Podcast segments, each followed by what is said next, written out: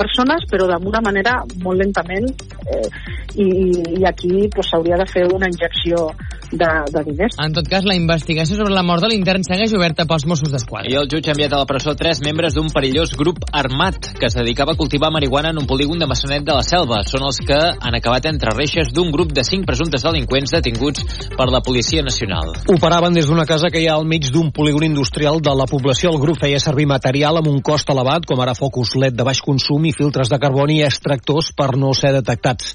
En l'operatiu van trobar quatre dels detinguts a dins de la casa que van intentar fugir i fer desaparèixer part de la droga pel lavabo i el cinquè el va localitzar la policia local pels voltants.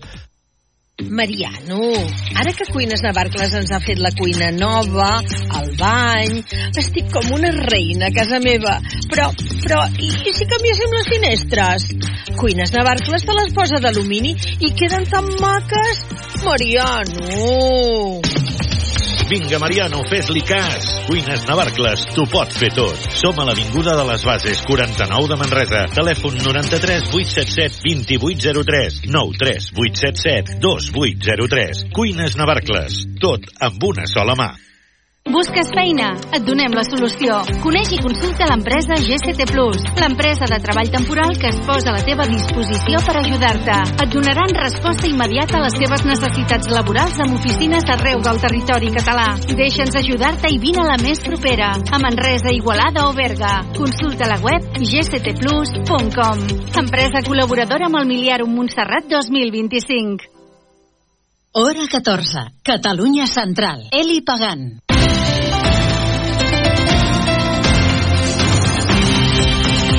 Hola, què tal? Molt bon migdia. Passen 21 minuts de les dues. Hora 14 tenim 16 graus al centre de la capital del Bages. S'ha trobat el cos del veí de Sant Vicenç de Castellet que va desaparèixer fa 7 mesos a Lourdes, a França. La gendarmeria francesa ha localitzat el cos de José de Arcos Ballesteros, el veí de Sant Vicenç de Castellet que va desaparèixer a Lourdes. Feia 210 dies que havia desaparegut durant una excursió a Lourdes, a França, amb la penya blaugrana de Sant Vicenç. Després de 7 mesos, sense cap notícia, la policia francesa ha trobat el seu cadàver. La gendarmeria ha pogut identificar les restes d'aquest home de 74 anys gràcies als objectes personals i ja han comunicat la troballa a la família família que el buscava des del 15 de juliol de l'any passat. El cos del jubilat estava en una zona boscosa a la mateixa ciutat francesa. Durant la visita al santuari de Lourdes, el Sant Vicentí va desaparèixer després de separar-se del grup. Va dir que anava a la farmàcia, es va desorientar i no va tornar. La peculiaritat d'aquesta història és que ell mateix es va posar en contacte per telèfon amb els companys de la penya per mirar d'orientar-se. Van ser diverses trucades que van acabar sense solució. Els veïns, familiars i amics van organitzar sortides amb voluntaris per buscar-lo. La recerca ha durat més de 7 mesos d'ençà que se li va perdre la pista. Aquest proper 13 de febrer comença el judici pel cas de l'estelada i les agressions feixistes que van tenir lloc a la plaça 11 de setembre de la capital del Bages. Això, doncs, és demà dimarts. Els fets van passar, recordem-ho, al juliol de l'any 2018, quan els feixistes, organitza, el, feixisme de la comarca organitzat, va agredir independentistes i també a militants antifeixistes pel sol fet de penjar una estelada a la plaça plaça 11 de setembre. Els agressors, quatre ultraespanyolistes, coneguts ja força a la ciutat i a la comarca, ja havien arrencat l'estelada de la zona de l'11 de setembre en anterioritat. El judici, com dèiem, comença demà dimarts. I qui s'ha tornat a mobilitzar aquest cap de setmana a casa nostra han estat els tractors, els pagesos en aquest cas. Ho han fet al Berguedà, però també en una tractorada que ha arribat fins al Bages dels tractors i dels pagesos de Solsona. Els pagesos han tornat a fer sentir les seves reivindicacions aquest diumenge a la tarda amb diverses marxes lentes que van dificultar l'operació tornada del cap de setmana.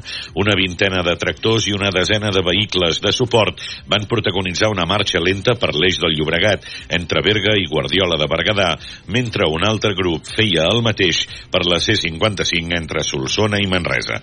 I farem una marxa lenta perquè, perquè veguin que, que seguim actius és una marxa lenta que no seran talls, no volem crear malestar a ningú, és simplement perquè perquè això, doncs, doncs saber estar presents i que no s'encantin i volem els nostres fruits. L'objectiu de la mobilització era demostrar que els pagesos no es conformen en paraules i que continuen en peu de guerra. Nosaltres hem pogut parlar amb, amb tothom, quasi bé, amb la presidenta, el president, amb els partits polítics, eh, tots, tots bones cares, de moment bones paraules, no?, que tenen intenció de canviar, però que volem són els canvis, i com més aviat millor. Mantindran les mobilitzacions fins que hi hagi fets i canvis reals. La idea és continuar fins que el que estem demanant es porti a terme, o sigui, no, no, no són no ens quedem parats ara, no, hem fet molta feina ara anant a Barcelona, parlant amb tothom amb què havíem d'estar, hem fet un, un esforç molt gran, però, però no pararem, no pararem. A dos quarts de sis de la tarda, el comboi de tractors i vehicles de suport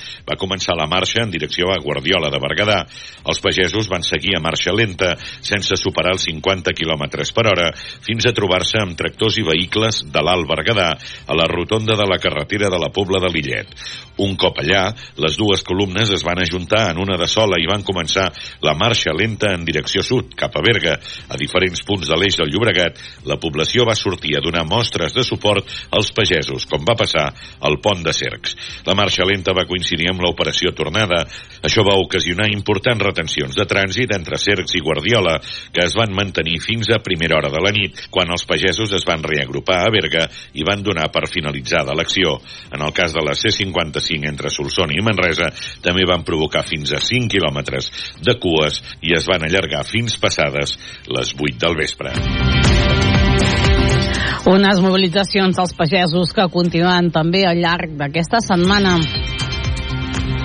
I del cap de setmana anem a parlar de diverses activitats. Una d'elles, el Carnaval de Solsona. Ni la pluja ni la calamarsa que dissabte a la tarda va caure a Solsona van aturar el seu carnaval. Cap a les 5, una pluja força intensa, acompanyada de pedra petita, va fer acte de presència en aquest esdeveniment tan tradicional. Una pluja que es va allargar fins gairebé dos quarts de set, l'hora prevista de sortida dels gegants bojos. Malgrat això, els carrers del casc antic de Solsona estaven plens de gom a gom amb els diferents jocs que havien preparat les comparses, cants, balls, molts riures i la presència de Llucià Macià Ferrer, el matarruc d'honor d'enguany. Precisament ell va ser l'encarregat d'inaugurar l'escultura de les comparses que enguany estava dedicada a la intel·ligència artificial. Cap als vols de quarts de set, la incertesa era el que regnava pels carrers de Solsona, i és que la pluja i els carrers molls feien perillar la presència dels seus gegants, però pels vols de les set de la tarda, les tradicionals figures van arribar a la plaça de l'Ajuntament per començar la seva boja cercavila. Uns gegants que no van van decebre el munt de persones, grans però també molts nens i nenes, que ballaven i esquivaven els peus i els braços d'aquestes figures que passejaven en cercavila pels estrets carrers del casc antic de la capital del Solsonès. I és que aquests gegants continuen sent un dels grans reclams del Carnaval.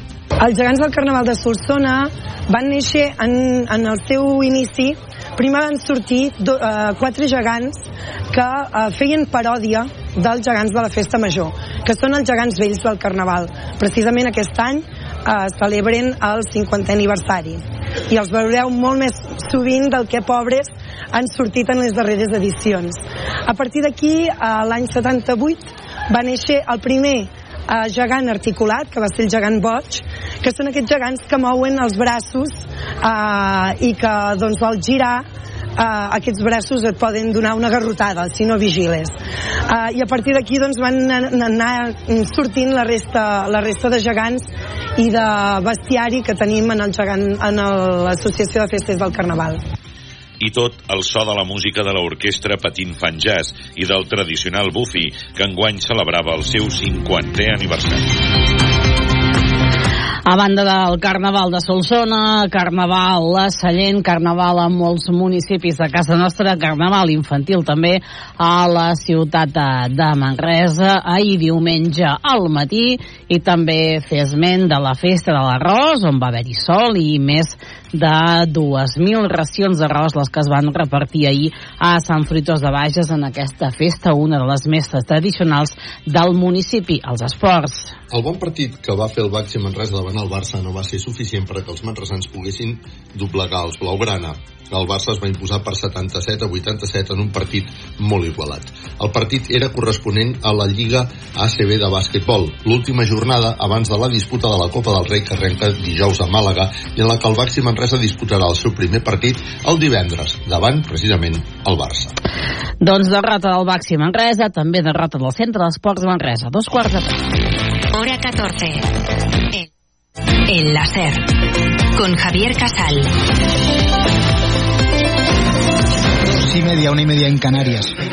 Voladura controlada o resbalón. Feijó trata de salir como puede del charco, de ese enorme charco en el que ha metido a su partido con un giro sobre la amnistía y un posible indulto a Puigdemont, un giro radical que ha incomodado mucho en Génova, aunque hoy la consigna allí es salvemos a Feijó, al menos hasta el domingo.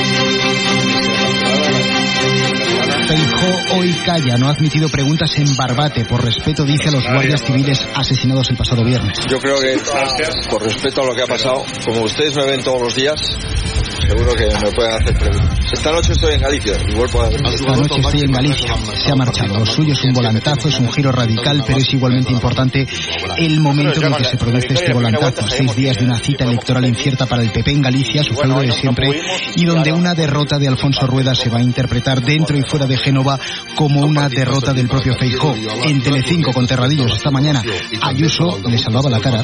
Bueno, yo no